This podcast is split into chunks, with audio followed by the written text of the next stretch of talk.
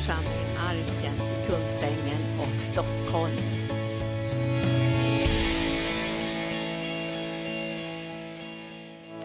Ja, Herre, vi bara tackar och prisar dig för att vi får fira gudstjänst tillsammans också den här söndagen.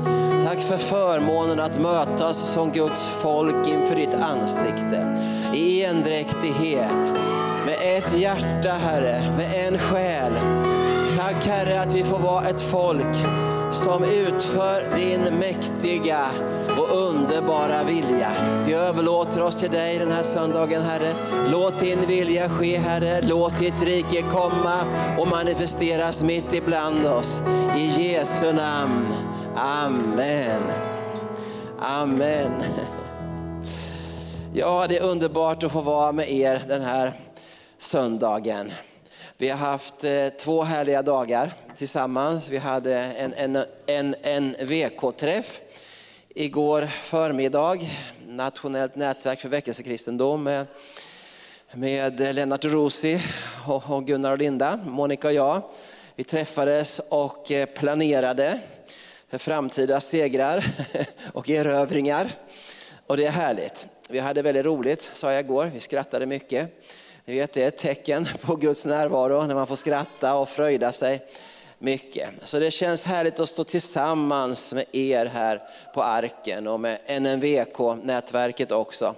Det känns så viktigt i de här tiderna att vi, att vi står tillsammans. Vi, vi som är ett hjärta, en själ, som ser samma sak i det här landet, som, som ser Guds planer och drömmar för Sverige och som eh, predikar tro som lever i smörjelsen, i det karismatiska flödet med andliga gåvor och tjänster i funktion. Och allt det här vet ni, det är, en speciell ingrediens som, som vi har tillsammans, som behövs i den här tiden. Så är det. Så att vi är väldigt glada och tacksamma. Och här står en lapp, tacksamhet står det här framme. är det som en påminnelse för varje predikant? och så står det tacksamhet här också. och så är det tacksamhet i våra hjärtan. Och att det skulle vara så mycket tacksamhet på arken, det hade jag ingen aning om. När jag kom hit igår och predikade om tacksamhet. Det var verkligen ett tema förstår jag för det här året. Jag predikade igår om tacksamhetsbomben, jag hoppas ni kommer ihåg det från igår. Att det finns en bomb i anden, det är när vi uttrycker tacksamhet även i svåra situationer. När de yttre omständigheterna skulle kunna tyckas få oss att gnälla istället.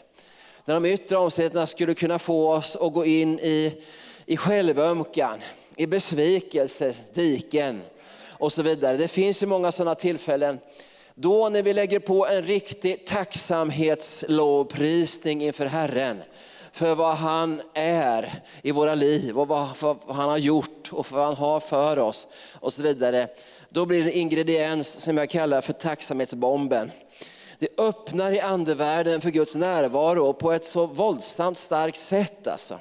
Så att bojor brister, lås går upp, dörrar öppnas och så där. Va? Det är när vi prisar Gud. Naturligtvis ska vi göra det under, under gynnsamma omständigheter också. Men speciellt under ogynnsamma omständigheter så har tacksamheten en väldig genombrottskraft. Så är det faktiskt. Och sen talade vi igår kväll också om den ostoppbara församlingen. Därför att allt som är fött av Gud övervinner världen. Så att det är, är underbart. Och idag så tänkte jag tala om lite andra grejer, men det har anknytning till församlingen. En sak som jag tänker mycket på med församlingsliv, det är ju den process som vi går in i när vi går in i en församling helt enkelt. När vi blir medlemmar, när vi ställer oss under ett ledarskap, när vi kliver in i en vision, i, i någonting som Gud har lagt lokalt på en plats. Omedelbart när vi går in i församlingen så kommer vi in i den struktur, den ordning, det DNA som Gud har så att säga lagt på den platsen i den lokala församlingen. Och när vi gör det vet ni, då sätter omedelbart en process igång i mitt inre. Därför att mitt liv det möter församlingens liv. Det möter andra bröder och systrar. Det möter andra viljor än min egen. Framförallt Guds vilja möter det. Det möter andra tankar, andra tjänster, andra upplevelser, andra känslor. Eh, andra människor i olika steg, i olika processer. Det är en våldsamt, en våldsam liksom härlighet som möter oss när vi, när vi går in i församlingen. Men det är samtidigt en förändringsprocess som sätter igång. Och allt det här som vi upplever i församlingen då, det vi är och rör oss i församlingen, är väldigt viktigt att vi inte missförstår. Eh, så vi tror att allt som händer som genererar frustration eller kan generera kanske saker som är jobbiga processer i oss, är saker som, som, som vi måste fly ifrån. Nej, Gud har tänkt att när vi kommer in i församlingen så vill han, eh, höll jag på att skruva fast oss där, höll jag på att säga. Nej, det vill han ju inte, inte i negativ bemärkelse. Men han vill att vi ska komma in i en process där han kan arbeta med oss så att vi utvecklas. Så att vi blir starkare och starkare, kan bli mer och mer bärare av, av, de, den av det som Gud har lagt i våra liv och så vidare. Och min erfarenhet är att eh, den här processen kan ibland fienden få oss att tro att vi ska fly ifrån. Helt enkelt. Åh vad jobbigt det blev här. Och vad tråkigt det var med det här. Och vad tungt det blev. Och vad kravfyllt det var. Och allt möjligt som sätter igång i oss när vi, när vi, när vi lever i en tajt relation med varandra. För församlingen handlar ju om relation. Det står att de, de deltog i församlingsgemenskapen, gjorde de på apostlagärningarnas tid. De höll sig till apostlarnas, till deras lära och deras undervisning och till församlingsgemenskapen.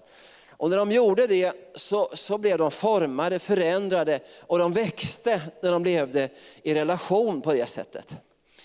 Eh, och Det här är någonting som, som är viktigt, därför att allt som jag sa igår, som händer i församlingen blir ju då träningspass. Det är material i min tillväxt kan man säga. Det är material att växa i och be över och hantera inför Gud och tillsammans med bröder och systrar. Allt som händer i församlingen av positiva saker, av negativa saker, av besvikelser, av glädjeämnen. Allting är material som jag kan använda för att växa. Visst är det bra? Ibland tänker man ja, det är bara det roliga och det härliga som är material som jag växer av. Nej, även det som är tunga hinder, som är motstånd, som är besvikelser. Allt sånt där som, som kommer emot mig i församlingen är material att växa på helt enkelt. Och speciellt de tunga passagerna är ju egentligen bönebränsle kan man säga. Det är bränsle till bönen. Så när det händer grejer som jag inte gillar och så vidare, som jag inte förstår, eller som jag kanske tycker är fel till och med, så är det bränsle till bön. För antingen så går man in i gnällbältet, men det ligger ju inte i Kungsängen, det ligger ju i Örebro-trakten. eller också gå in i bönebältet. Ja. Så när saker och ting händer eh, av olika saker så blir det material till bönen. Så en del människor säger, men jag, jag har så svårt att be, jag, vet inte vad, jag kommer inte på något att be för.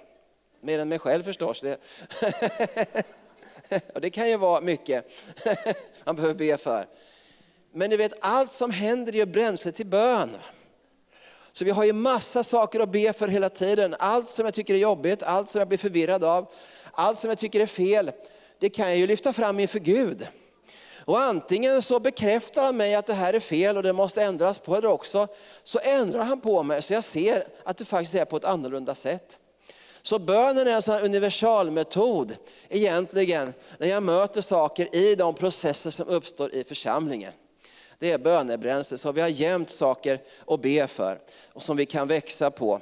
Och, så där. och Samtidigt då så blir ju alla hinder då som, vi, som uppstår, de, de blir ju tillfälle till tillväxt. Det blir ju så. Så att det är inte så att man kanske ska tacka Gud för, för det som, som man upplever som hinder, men vi kan använda det i alla fall. Det kan vi göra. Vi kan använda det till att växa på. Du vet, många människor de söker ju hinder även i det naturliga. Inom friidrott till exempel, där håller man ju på med och, och, och liksom hoppar höjd och sånt där. Ribban är ju ett hinder då, kan man säga. Eller hoppa häck och sånt där då. Eh, det finns ju mycket sådana där grejer inom idrotten av hinder. Va? I fotboll och hockey där har man ju motståndare och de är ju hinder då för att göra mål. Det är ganska jobbigt. Va? Tänk om det inte fanns några motståndare på plan, då skulle man kunna göra hur många mål som helst. Om man slapp en jobbig målvakt som stod där med massa skydd och grejer och bröstar upp sig. Va? Och hindrar mig från att göra mål. Om man slapp det så kunde man göra många mål som helst, men det är inte så roligt då, va? eller hur? Då kan man ju hyra en hall själv och stå och kasta eller sparka boll i mål hela tiden. Va? Det blir ju ingen seger av det egentligen. Utan seger blir det när man har riktigt motstånd. Va?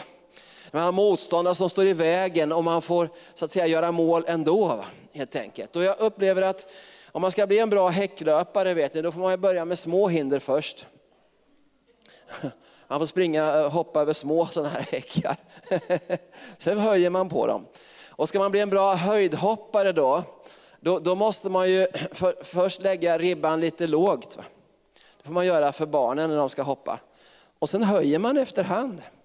Och höjer och höjer och höjer, så kan man hoppa högre och högre och klara högre och högre hinder. Och vet, jag tror att det är samma sak i anden. Att Gud tränar oss i församlingen i att klara större hinder, tåla högre press och så vidare. För att bli tunga i anden, bli starka i anden, bli stå, starka pelare som kan stå stadigt i den här yttersta tiden. Och därför är det så tragiskt vet ni, när församlingen utsätts för press, som alla församlingar gör i olika skeden, så kommer det olika sorters press, olika sorters liksom motstånd, olika sorters grejer som vi inte kanske önskar. Då, va? Och då har man ju två vägar att välja på, antingen så flyr man när ulven kommer som det står, eller också står man fast och växer och bygger på sig andliga muskler, andlig tyngd. Och så bryter man igenom det där hindret och kommer igenom på andra sidan. Och så känner man halleluja, det gick igenom. Jag står kvar tillsammans med bröder och systrar och ledarskap och jag väger mer i andevärlden. Så sen ett likadant hinder så tycker man, vad är det där för ett hinder? Det har jag redan övervunnit hur många gånger som helst. Inga problem säger du till de nyfrälsta, sådana där övervinner vi hela tiden. De håller på att storkna av sina hinder och då tycker jag, men det där hindren förstår du, det är ingenting. Det övervinner vi hela dagarna här i den här församlingen. Det är ett lätt fall. Va?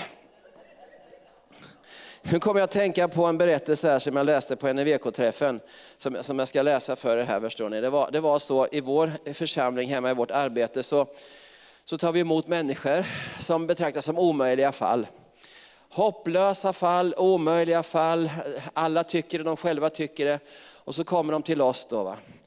Och så nu, nu kom det sånt här Facebook-meddelande här på, på, på Facebook för en tid sedan.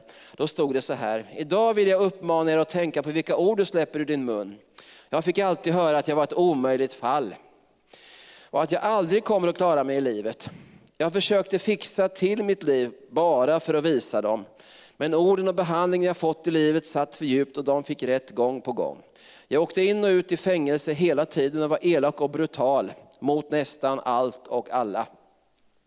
Jag var ju ett omöjligt fall så jag kunde inget annat. Den 13 januari 2004 när jag var 36 år fick jag komma till ett behandlingshem i Småland som hette Josua Rehab. När de efter några månader hade sett alla mina sämsta sidor, där jag skrämde och hotade både intagna och personal och slog sönder en massa saker. Det låter inget vidare med ett sådant behandlingshem. Det låter inget vidare med en sån församling heller, Där det pågår sådana här grejer. Eh, jag hade fått en vana att straffa ut mig från ställen eftersom jag ändå var ett omöjligt fall. Då får jag höra att jag var ett lätt fall. Han hade gjort sitt allra bästa för att bekräfta profetian om sitt liv, att han var ett omöjligt fall. Och från den dagen blev jag bättre och bättre för varje dag, snällare och snällare. Och jag kände efter ett tag att jag inte behövde hota någon för att känna mig trygg. Och skrämmas och så sönder saker när jag blev arg. Jag fick vara kvar på Josua Rehab i två år trots att SOS vägrade betala min vistelse eftersom jag ändå var ett omöjligt fall. De hade ju försökt hjälpa mig sedan jag var 12. Och då var han 36. Har du eller känner du någon som är ett omöjligt fall Råd jag er att ringa och prata med någon på Josua Rehab. Rummet, rummet längst upp till vänster var mitt rum och så var det en bild där.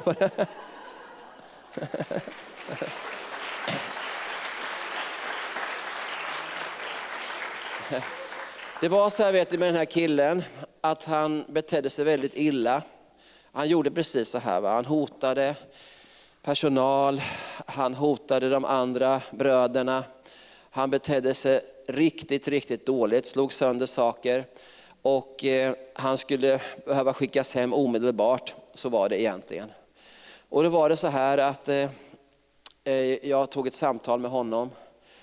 Och så kände jag så här när jag samtalade med honom, jag kände i min ande att det här är ett lätt fall. Därför att i Guds ögon var det ett lätt fall. Va? För honom var det liksom som att hoppa tre meter i höjdhopp att kunna bli fri. Fyra meter kanske. Ja, men för Herren var det ingenting. Va? Och du vet att för att vi ska kunna hjälpa människor ut i frihet, då måste vi hoppa över våra egna hinder först. Vi måste börja hoppa över våra små hinder. Vi måste hoppa över större hinder och större hinder för att kunna säga till människor att du är ett lätt fall. Vi har hjälpt många som dig. Du är ett lätt fall därför att Herren förmår att bryta igenom. Och därför är det som händer i församlingen av hinder, av motstånd, av omöjligheter, av strul som kommer, av människor som sviker, av, av, av alla möjliga saker som händer. Det är hinder som är till för vår träning, det är träningspass helt enkelt som vi måste använda för att växa. Därför att det finns inga församlingar som saknar de här hindren. De finns i alla församlingar. Och vilken församling vi än går med i så kommer det att finnas hinder som vi får träna oss på. Och om vi tycker hindren är för stora i den församling vi är med i så vi sticker därifrån och kommer till en annan församling så kommer samma hinder att finnas i den församlingen. För Herren vill att du ska hoppa över det hindret för att växa. Va? Så du tar med dig hindret till nästa ställe och så får du väl hoppa där då.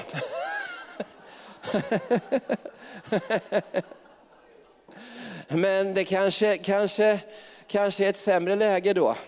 För du behöver be om förlåtelse för det som du strulade till i den förra församlingen innan du får kraft att hoppa över igen så att säga. För när man hoppar höjd har man inte så mycket belastning på sitt liv. Man har inte liksom tung ryggsäck på sig när man ska hoppa höjd. Det gjorde inte Stefan Holm när han tog OS-guld. då Hoppade han inte med ryggsäck och termos. Något sånt där. Han hade så lite kläder på sig som möjligt. För att kunna hoppa så högt som möjligt. Och det är därför som det är så viktigt är att vi gör upp med vårt gamla liv, vi gör upp med ryggsäcken. Vi är människor om förlåtelse som, som vi har sårat, så vi kan hoppa högt när hindren kommer. Så är det.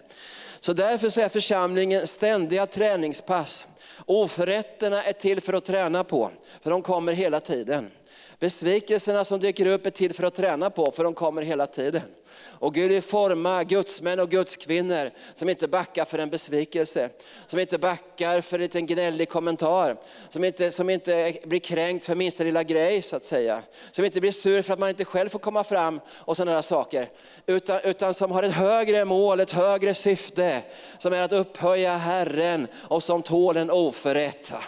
Det är det folket som Gud reser upp i den sista tidens sista dagar. Och för att kunna tåla en oförrätt, för att kunna klara ett misslyckande, för att kunna klara en motgång, så måste vi träna på det. Va? Det är ingenting som kommer bara genom en handpåläggning. Jag kan inte bjuda fram alla här för att ni ska tåla oförrätter och så förlösa smörjelsen att tåla oförrätter. Vi behöver träna på oförrätter. Jag kan inte förlösa en smörjelse för att, för att klara hinder. Det är klart att på ett sätt så har man en smörjelse, men man behöver öva på det och flöda i den smörjelsen, verka i det då. Visst kan vi be för alla sakerna, men vi måste öva på det för att det ska kunna bli starkare. Och därför säger Guds ord att vi ska gå ut och göra människor till lärjungar. Vi ska lära dem att, att hålla allt som han har befallt, står det. Och han ska vara med oss alla dagar in till tidens slut. Så grejen är inte att han säger, och, och han ska ta bort alla hinder ifrån oss i tidens slut, så står det inte. Utan han ska vara med oss och ge oss studs i bristerna så vi kan hoppa över alla hinder, bryta igenom allt som står i vägen och vinna seger. Och det kan bara gå genom träningspass. Så att jag har sagt det de här dagarna och jag säger ofta det, att, att, att vara glad för träningspassen. Våra skidlöpare som vi har i Sverige, Charlotte Kalla och, och Stina, vad heter hon? Stina heter hon i alla fall. Nilsson ja. Stina Nilsson och, och Hellner och, och, allt vad de heter. Vet ni, de, de har ju träningspass. Hela dagarna tränar de. De kör flera pass per dag, alltså. i timmar nöter de på och kör skidor och stakar och springer och bygger upp muskler bara för att de ska åka en bana så snabbt som möjligt på skidor. Det är ju jättebra, va? det är underbart om de vinner, jag tycker det är jättekul. Men det är ju ingenting mot att bygga andliga muskler i den levande Gudens församlingar. Därför att eh, kroppslig övning, säger Paulus, det gagnar till lite. Men andlig övning, alltså det som jag talar om nu, va? Det, det, det, liksom, det räcker till allt. Det är så. Så att eh, församlingen är ett träningspass, ett träningsläger. Det är väldigt mycket annat också, inte bara det här. Men det är en sida av det i alla fall som jag vill lyfta upp idag. För att uppmuntra dig att se hindren som träningspass för att verka. Och, och, och för att du ska bli stark i anden och kunna vinna seger och träna andra människor i lärjungaskap. För hur ska vi kunna göra andra människor till lärjungar som är ambitionsbefallningen om vi inte själva först har blivit lärjungar? Det är omöjligt att träna andra människor, att vinna människor för Gud, träna dem i att vandra med Gud om jag inte själv har först blivit tränad. Och det sker i församlingen. Det är där som det sker. Församlingen är som ett andligt rehab kan man säga i att formas och tränas i Guds tjänst och i Guds rike. Så är det. va. Och Herren vill ha tunga pjäser. Och jag tycker det är så underbart när man ser församlingar som håller ut. Det är det bästa jag vet. Församlingar som håller ut. Vi hade en gång ett, ett församlingshelg. Eh, hade vi. Eh, vi brukar vara ute på säteriet där vi har vårt behandlingshem. Och ibland har det hänt förstår ni, att det har regnat när vi ska ha församlingshelg. Och ett år vet du, så började det regna sådär, gjorde det, på församlingshelgen. Då. Det är inte kul, speciellt i början på församlingshelgen, det började dugga sådär och folk föll upp paraplyerna. Och det är utomhus det här då. Det var församlingshelg. Och då var det en ung tjej där, hon var inte så gammal kanske, jag vet inte, tio år kanske, elva år kanske. Då var det några som åkte hem när det började regna. Vet ni. Och då sa han så här, kristna människor som ger upp, det vill jag aldrig höra talas om. Nej. Så därför är det underbart att se församlingar som håller ut. Som har hållit ut i 30 år som ni har gjort här på arken. Därför att då vet jag att för varje år man håller ut, för varje år man bryter igenom hinder, så borrar man sig djupare ner i frälsningens källor. Man tränger djupare in i visionen, man blir starkare i anden, man befäster sin position i andevärlden ännu starkare. Även om några kanske lämnar och släpper taget, så får de väl hoppa över sina hinder någon annanstans då. Men hindren kommer man inte undan. Det kan du gratulera dem till. Att det blir så. Det är bättre att vara med i en församling som är bra på, på, på, på hinderhopp. Faktiskt. I så fall. Alltså att det är underbart att, att se församlingar som håller ut och pastorspar som håller ut, det tycker jag är underbart som inte byter församling sådär var tredje, fjärde år. Vet ni. För att det har funnits en sån trend i frikyrkligheten att eh, speciellt i vissa rörelser så har det blivit så att pastorn han är sådär fyra år ungefär. är ganska vanligt. Sen får han en ny kallelse till en annan församling. Sen är han där fyra år och sånt där och sen får han en ny kallelse. Vet jag är inte säker på att det är någon kallelse, jag vet inte. Alltså jag ska inte vara kritisk här i överkant. Men jag undrar om det inte är så här att när han har kört i två, tre, fyra år så börjar det bli lite jobbigt i församlingen. Smekmånadsfasen har gått över. Alla älskar honom inte lika mycket längre. Och de som jublade, jublade de första åren, de har gått in i gnällstadiet istället. Liksom. Och längtar efter någon ny pastor som kan komma med någonting nytt. Va? Någon lite yngre eller sådär, lite häftigare sort och, och sånt där. Va? Ja, så, så är det. Så att jag tror inte därifrån Gud att pastorn ska bytas ofta. Jag tror pastorn ska köra hela livet. Ända in i himlen faktiskt. Det tror jag är det bästa. Om det kan bli på det sättet. I alla fall känner jag så, vet ni, jag har bara varit pastor i en enda församling. Jag vet ni vilken det är? Det är just Huva i Gamleby. Och jag har inte tänkt bli pastor någon annanstans heller. Så jag tror på långa pastortjänster. Pastorer som står fast och övervinner strul efter strul. Uppror och motstånd och motgångar som går med sitt folk igenom, igenom eh, eld och vatten. Igenom allting och blir starkare och starkare och tyngre och tyngre för varje grej. Va? Det tror jag på. Och som formar lärjungar att göra samma sak. Liksom. Så när pastorn en gång flyttar hem och blir befordrad till härligheten så har han ett helt gäng som är lika vilda som han har varit och inte backar för någonting utan kör igenom allt motstånd, allt hinder och räknar motgångar som träningspass och jublar och tackar Herren. När orättvisor och motgångar kommer, när folk sviker så prisar de Gud ännu mer. Och tacksamheten flödar när de värsta orättvisorna manifesteras och, och andliga bomber utlöses och bojor brister och lås går upp och dörrar öppnas och seger bryter fram och så vidare. Det är det folket Det är det folket som Gud reser upp i Sverige idag. Vet du. Det är det ostoppbara folket. Det tacksamma ostoppbara folket. Va? Det är arken i Kungsängen. och Josua i Gamleby. Va? Som, som, som, som ser hinder som träningspass. Ja, eh, jag skulle vilja läsa ett bibelord också.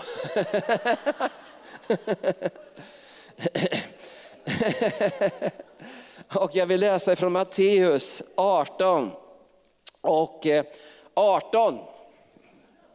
Matteus 18 och 18. Amen säger jag er. Det är Jesus som talar. Det är en bra början. Man brukar sluta med amen, men Jesus börjar ofta med amen. Amen säger jag er. Allt vad ni binder på jorden ska vara bundet i himlen och allt vad ni löser på jorden ska vara löst i himlen. Vidare säger jag, och det har redan citerats här idag, om två av er här på jorden kommer överens om att be om något, vad det än är, så skall de få det av min fader i himlen. Ty där två eller tre samlar i mitt namn, där är jag mitt ibland dem. Eh, allt vad ni binder på jorden ska vara bundet i himlen, allt vad ni löser på jorden ska vara löst i himlen. Och jag har ett ord till, det har jag också läst idag, så att alla mina ord är redan använda. Men jag bryr mig inte om sådana hinder. Jag låter mig inte hindras. Jag läser från Efesierbrevet 1 också. Eh, och där står det så här, vi har redan bett det. Vers 18, jag ber att era hjärtan ska upplysas så ni förstår vilket hopp han har kallat er till, hur rikt på härlighet hans arv är bland de heliga och hur oerhört stor hans makt är i oss som tror, därför att hans väldiga kraft är verksam. Med denna kraft verkade han i Kristus när han uppväckte honom från de döda och satte honom på sin högra sida i himmelen. Över alla furstar och väldigheter, makter och herradömen, ja över alla namn som kan nämnas, inte bara i denna tidsålder utan också i den kommande.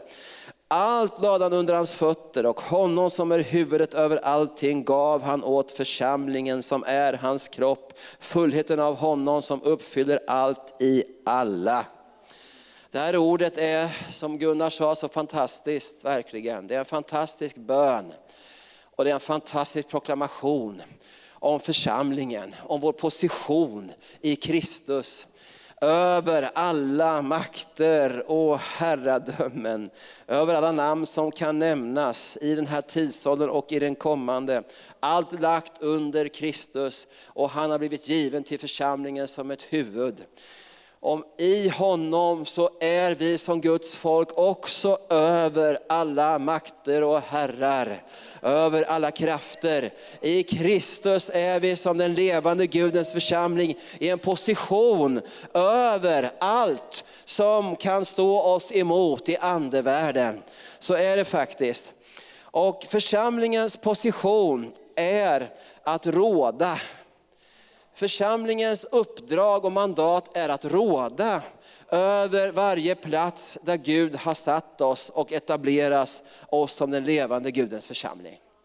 Det är så med arken, arken Kungsängen brukar man säga. Och det beror ju på att arken ligger i Kungsängen. Eller hur? Man, det är arken Kungsängen. Och ni vet, jag har upptäckt att det är aldrig en slump var en församling ligger någonstans.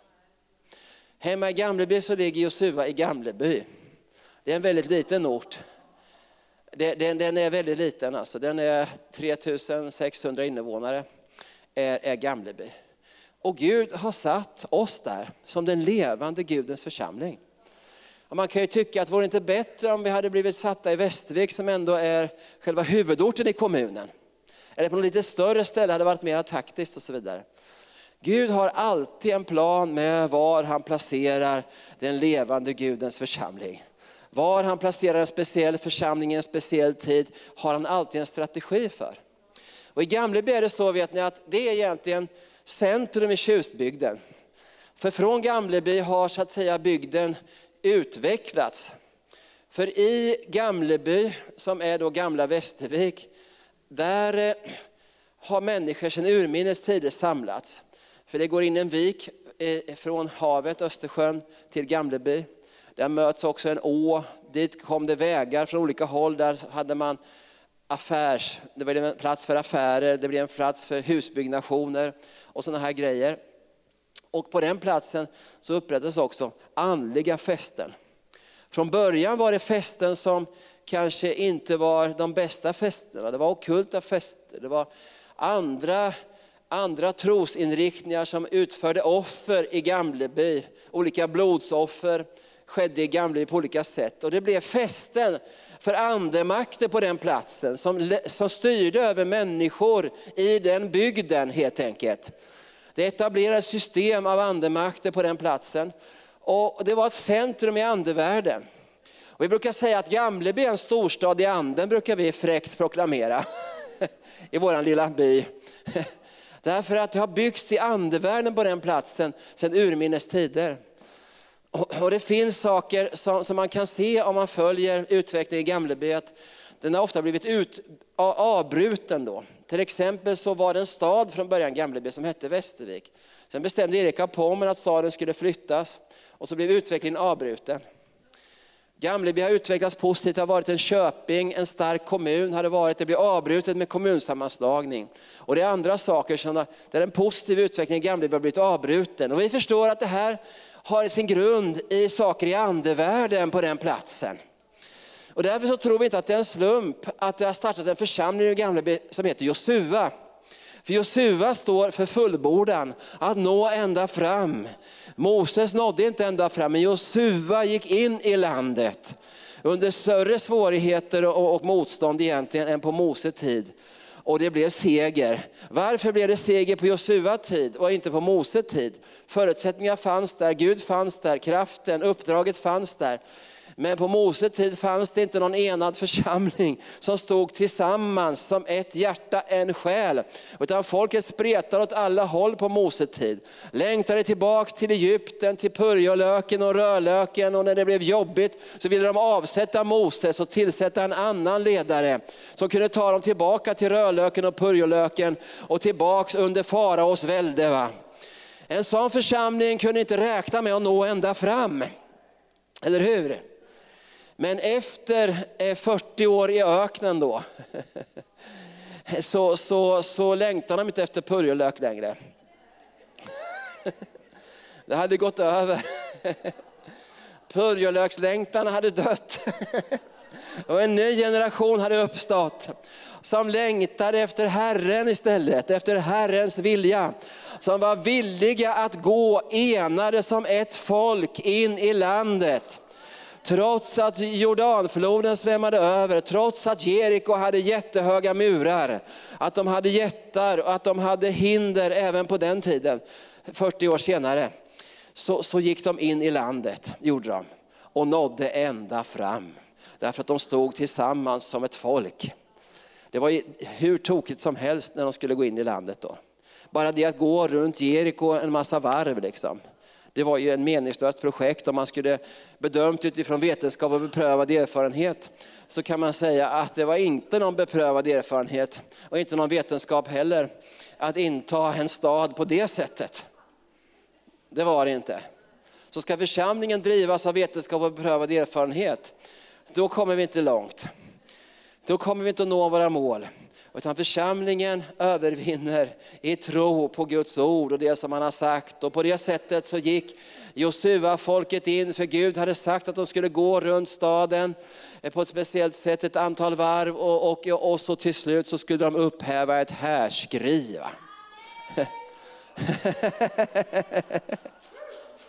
Amen, ni har många härskri här på arken.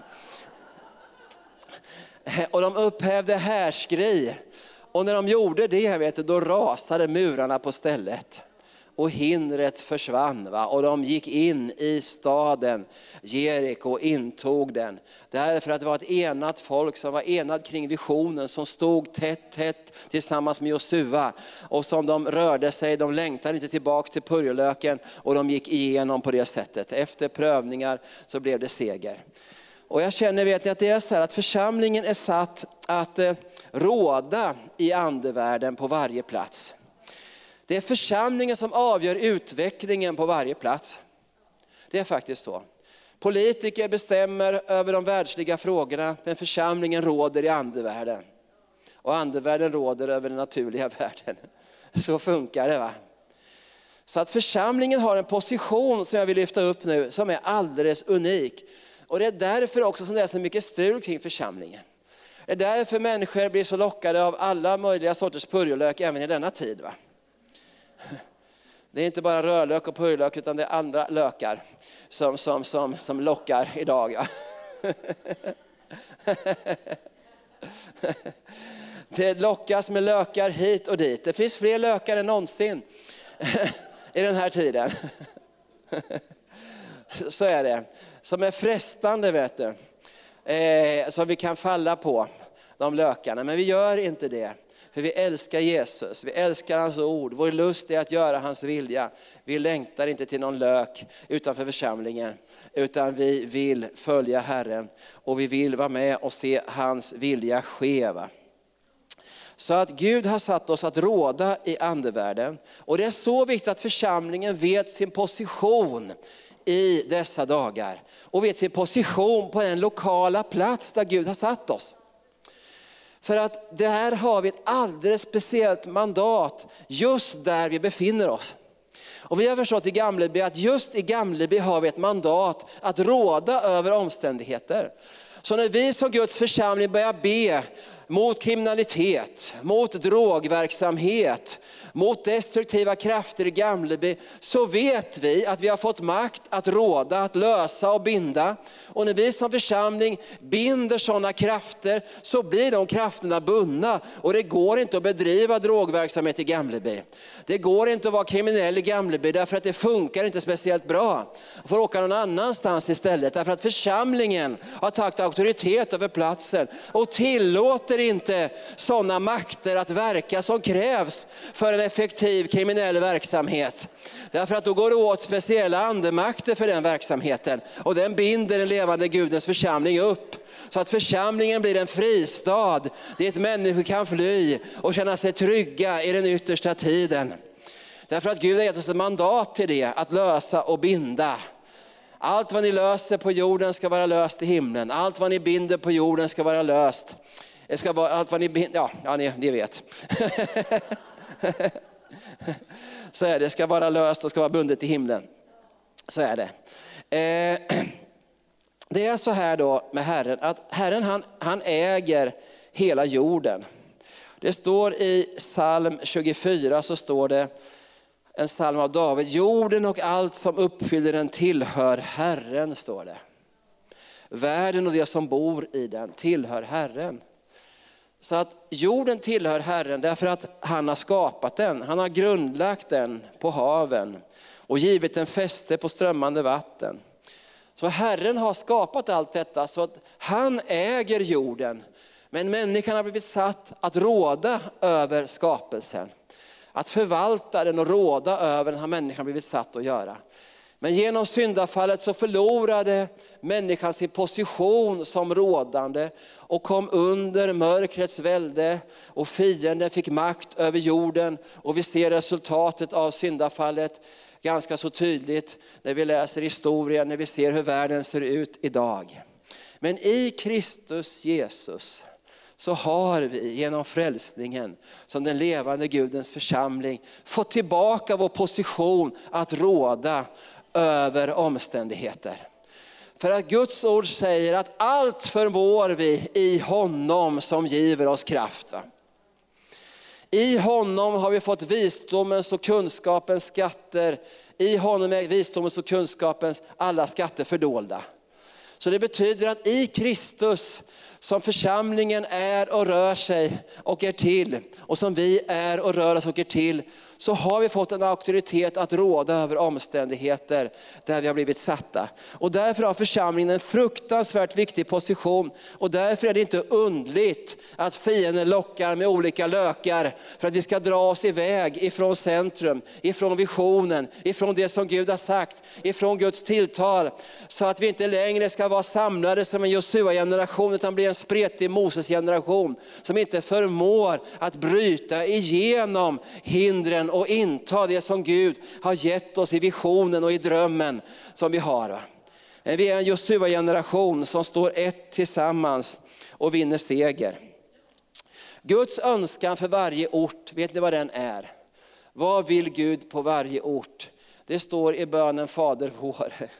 Vi har blivit lärda att be, ske din vilja så som den sker i himmelen, så och på jorden. Så varje plats som Gud upprättar en församling, så har vi fått ett uppdrag att förlösa Guds vilja på orten. Naturligtvis genom veckan väckelse, genom omvändelser, genom att Guds rike utbreder sig. Men också genom att kommunen och samhället och staten tar beslut på den orten som ligger i linje med Guds vilja. För Gud har en dröm för varje ort. Gud har en dröm att hans glädje, hans frihet, hans härlighet ska vara synlig på alla områden i orten. Genom att näringslivet blomstrar, genom att människor mår bra, genom att destruktiva krafter inte får komma in, genom att platsen utstrålar Guds härlighet genom hela, hela samhällsorganismen helt enkelt. Och det har den levande Gudens församling fått en auktoritet att styra upp helt enkelt. Som en andlig trädgård kan man säga, så kan vi gå in i andevärlden och rensa bort ogräs på platsen där han har satt oss. Så att Guds rike får komma in på olika områden i kommunen, i samhällsskicken, i bostadsområdena, i föreningslivet, i nöjesbranschen erkänd på alla områden vill Herren att hans vilja ska bli synlig hela tiden. Så är det. Så är det. Och Kungsängen tänker jag på. Vet ni, jag googlade på Kungsängen idag på morgonen. Och vet ni vad jag fick upp? Att Kungsängen har 9000 invånare. Själva Kungsängen alltså. Kommunen förstod jag är någonting annat. Men själva Kungsängen har 9000, kan det stämma? Ja, ja det stod ju där ja. Och då kände jag så här, i Kungsängen finns en församling som heter Arken. Den har Gud etablerat på den här platsen för att råda över Kungsängen. För, för att råda i andevärlden över Kungsängen för att påverka politiska beslut, för att påverka samhället, för att påverka vad som sker när det gäller kriminalitet, när det gäller missbruk, när det gäller destruktiva krafter, när det gäller utvecklingen i familjer, skolor, allt möjligt. Församlingen Arken har en auktoritet att lösa och binda, att öppna och stänga. Församlingen Arken har fått himmelrikets nycklar till att låsa upp, till, till att låsa till, till att styra på den här platsen. Därför att det är en speciell plats där arken har fått ett mandat. Sen kan vi ha mandat på olika platser i världen. Eh, vi kan få uppdrag i Israel, vi kan få uppdrag på många olika platser där vi åker ut med team och så här som ni gör och gör genombrott på olika platser och bereder väg för Guds rike och startar församlingar och har helande möten och crusades och allt möjligt. Men den lokala platsen, där har församlingen en extra speciellt mandat som är så tungt. Så det behövs bara att vi samlas som församling, vi binder ett område så är det bundet. Vi öppnar ett annat område så är, det, så är det öppet. Vi styr i andevärlden, vi råder därför att vi har den positionen. Och därför vill fienden till varje pris att vi ska glömma det. Va? Vi ska ägna oss åt oss själva, vi ska hålla på med en massa andra saker och glömma att vi har den positionen. Och om församlingen glömmer sin position för den lokala orten och inte tar vara på mandatet, ja då växer samhället igen i andevärlden. Det är som en trädgård så att den, den demoniska växten den får fritt utbreda sig och kväver Guds liv på det sättet. Men så fort församlingen reser på sig, intar sin position och säger nej till det som inte är fött av Gud på en gång så måste det flytta på sig. Så att det här är otroligt starkt. Alltså. Och det står i 1 Johannes 5, 14-15 att om vi ber om något efter hans vilja så hör han oss. står det. Om han hör oss, då vet vi att vi redan har fått det som vi har bett honom om. Va? Och därför så kan vi frimodigt be för både det ena och det andra som är Guds vilja i Kungsängen och Gamleby. För att vi vet att det är hans vilja. Vi vet att det är hans vilja att det inte ska finnas någon kriminalitet i Kungsängen. Vi vet att det är Guds vilja att det inte ska finnas en massa missbruksverksamhet här, där människor håller på och är bundna i missbruk och annat elände.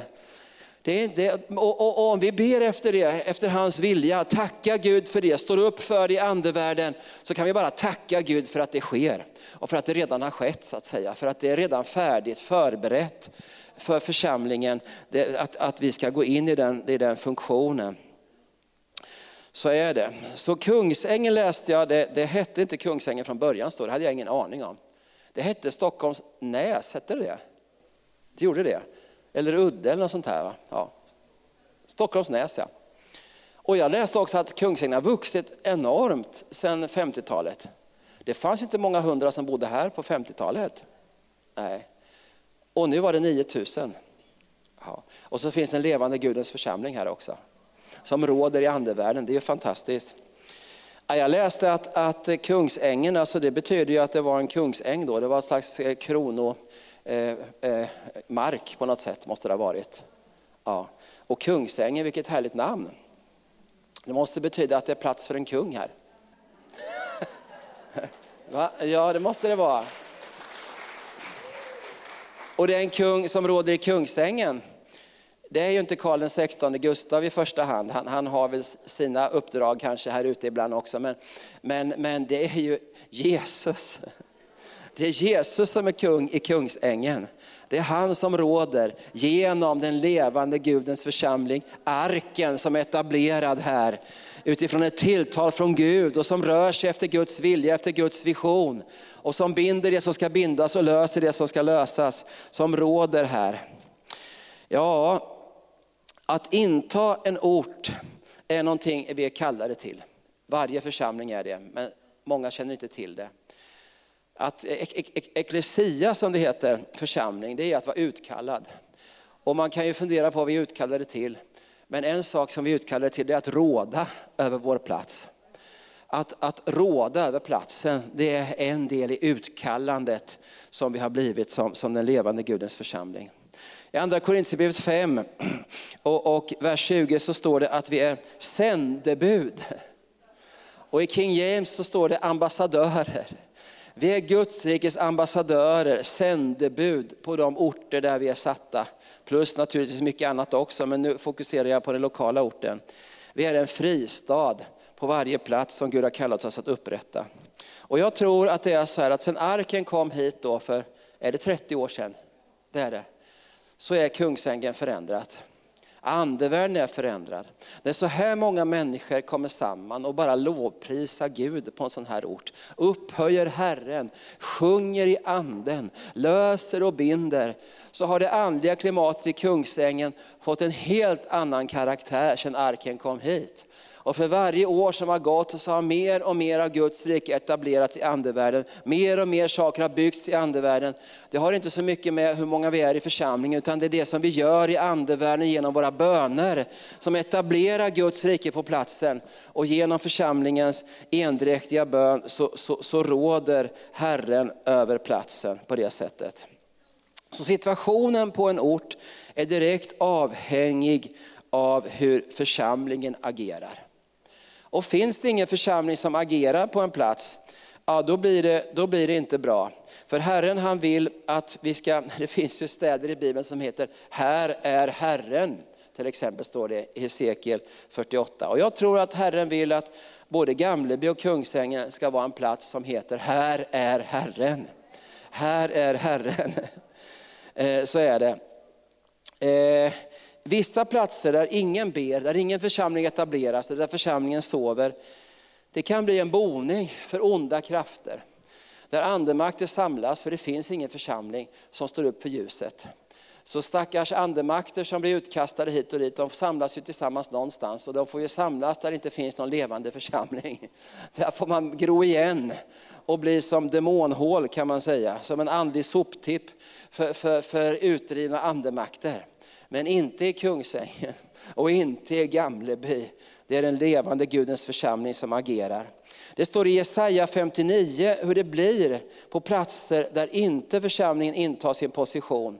Eh, där står det så här att eh, rättvisan trängs tillbaka. Rättfärdigheten står långt borta, ja sanningen vacklar på torget. Det som är rätt kan inte komma fram. Men när församlingen intar sin position, då, då kan rättfärdigheten bryta fram. Sanningen etableras på torgen och rätten kommer fram när församlingen råder över omständigheterna. För Herren han vill lägga sina fiender till en fotapall, står det i psalm 110. Och det sker på varje plats där församlingen intar sin position. Där blir fienden en fotapall. Och där råder Guds rike. Och där öppnas himlen så att människor kan bli frälsta och förvandlade. Där påverkas de kommunala besluten. Där hindras destruktiva krafter. Och där blir det stor glädje i bygden. I Gamleby har vi bett för Gamleby i ja, snart 30 år också. Vi har hållit på i 30 år, för det gjorde vi även innan vi hade församlingen. Och vi har märkt vet ni, att byn har förändrats enormt på de här åren. Gamleby borde egentligen varit avfolkad för länge sedan, höll jag på att säga. För det är en avfolkningsbygd. Det är en bygd där det inte finns så mycket arbetstillfällen och sådana grejer. Men på något lustigt sätt så har Gamleby en blomstringstid just nu. Företag startar, liksom, affärsverksamheter går igång det satsas, investeras pengar, kommunen sätter av för byggnationer, det satsas miljoner i Gamleby. Och kommunalrådet sa vid ett tillfälle man invigde ett litet utkikstorn, ett lusthus. Det är något med Gamleby som jag inte riktigt kan sätta fingret på. Det finns någonting i Gamleby här och vi vet vad det är. Det är den levande Gudens församling som råder, som välsignar, som ber för varje företag, som lyfter upp varje människa, varje bostadsområde hela tiden. Så att Guds rike kan, kan manifesteras på platsen faktiskt. Så det, det, det är underbart när det får vara på det sättet. Församlingen är oerhört viktig. Bönen är viktig, den endräktiga bönen är en nyckel verkligen. I vår församling så, så har vi fått se det här som jag nämnde igår. Då. Vi har fått bryta igenom på område efter område. För så fort vi ska göra en ny grej så har det varit ett väldigt liv. Så fort vi ska inta ett nytt område så har det blivit turbulenser och insändare och det har blivit allt möjligt. Och när vi höll på, speciellt i början vet ni, och vi skulle starta saker så hade vi en våldsam expansion på väldigt få år.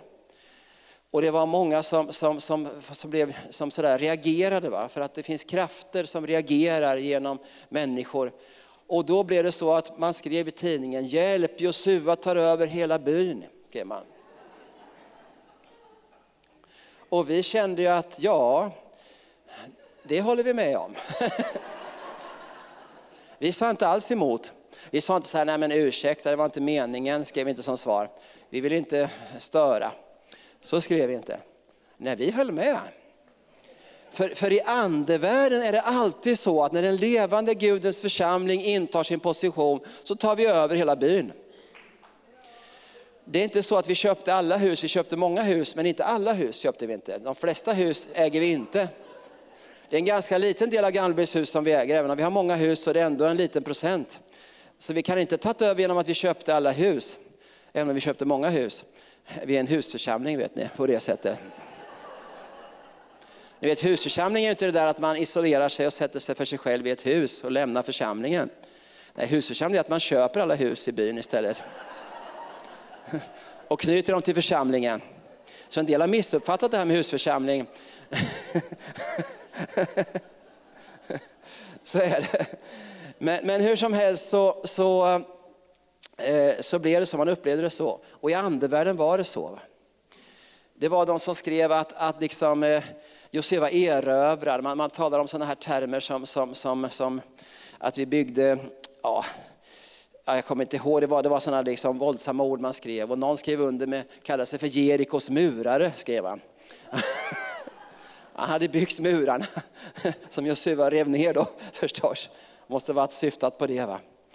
Ja, därför att vi etablerade ett välde på platsen. Och vi har inte släppt taget sedan dess, utan vi har bara fortsatt att be. Vi har böneberg, vi har två böneberg som vi ber på hela tiden för Gamleby. Hela tiden ber vi för Gamleby, upprätthåller eh, Guds härlighet över Gamleby. Hela tiden gör vi det. Och, och eh, vi upplever att det är en fristad i andevärlden dit människor kan fly i de sista dagarna. Man kan fly om man behöver hjälp med missbruk, bli fri från det. Man kan fly om man har det jobbigt i skolan kan man fly till skolan och så vidare. Man, man kan fly ifrån jobbiga situationer och komma in i det som Gud har tänkt. Och, eh, så att eh, vi, vi hade ett annat tillfälle också, en människa skulle komma till församlingen i en sån liten by så vevar man ner rutan och frågar sig var ligger Josua någonstans? Det gör man kanske inte när man kommer till Stockholm. och då var det någon som sa, ja men Josua, de finns överallt. ja. Och det är församlingens kallelse, att vara överallt i andevärlden. Vara överallt. Och jag tror att vi är kallade att, att, att nå hela världen, är vi kallade. Men den lokala platsen Kungsängen, Gamleby har ett speciellt ansvar för. Och även om vi kanske är med i församlingen och bor någon annanstans, kanske i Rinkeby eller Tensta eller någon annanstans, så har vi som församling ett speciellt ansvar för den lokala plats där Gud har satt församlingen. För där vill han upprätta fristaden, där vill han visa sin härlighet genom den lokala platsen. Här finns bara 9000 människor. Här ska Guds härlighet manifesteras i Kungsängen. Här ska Guds härlighet beröra kommunen. Här ska Guds härlighet beröra miljö och hälsoskyddsnämnden, eller vad det heter. Fritidsnämnden, kommunstyrelsen, idrottsvärlden, eh, sjukvården, hälsocentralerna, missbrukare. Alla blir berörda därför att den levande Gudens församling löser och binder, råder, låter Guds vilja ske. Sådana böner de går inte att stoppa. De vinner ständigt seger. I Jesu namn. Amen.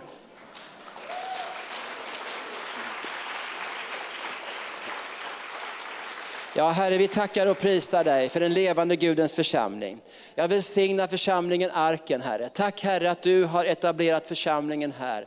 Tack att du har gett församlingen himmelska ord, levande ord och tilltal som församlingen går på, Herre. Tack att församlingen Arken är en ostoppbar församling. Oavsett omständigheter och hinder i det personliga livet, i familjelivet, i församlingslivet, Herre, så bryter församlingen fram och blir allt starkare för varje motstånd, för varje orättfärdighet som de utsätts för, för varje svek Herre. Så växer församlingen sig starkare och starkare, intar nya områden, låter andliga bomber brisera genom tacksägelse och lovsång Herre. Jag prisar dig Herre, att allt det Herre som fienden försöker stjäla genom att locka med olika lökar Herre. Tack att du bara skickar in nya befästa människor på område efter område. Tack att ingenting ska fattas av resurser, av tjänster, av gåvor, av ekonomi Herre.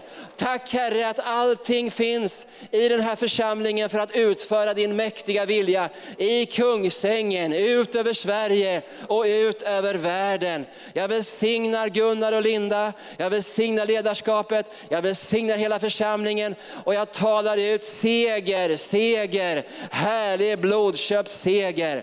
Jag talar ut ostoppbarhet och tacksamhet över församlingen Arken. Tack Herre för genombrott på genombrott på genombrott. I Jesu namn. Amen. Amen.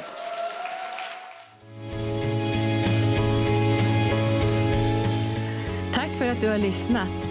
Vill du få del av mer information om församlingen Arken, vår helande tjänst, bibelskola och övriga arbete, gå in på www.arken.org.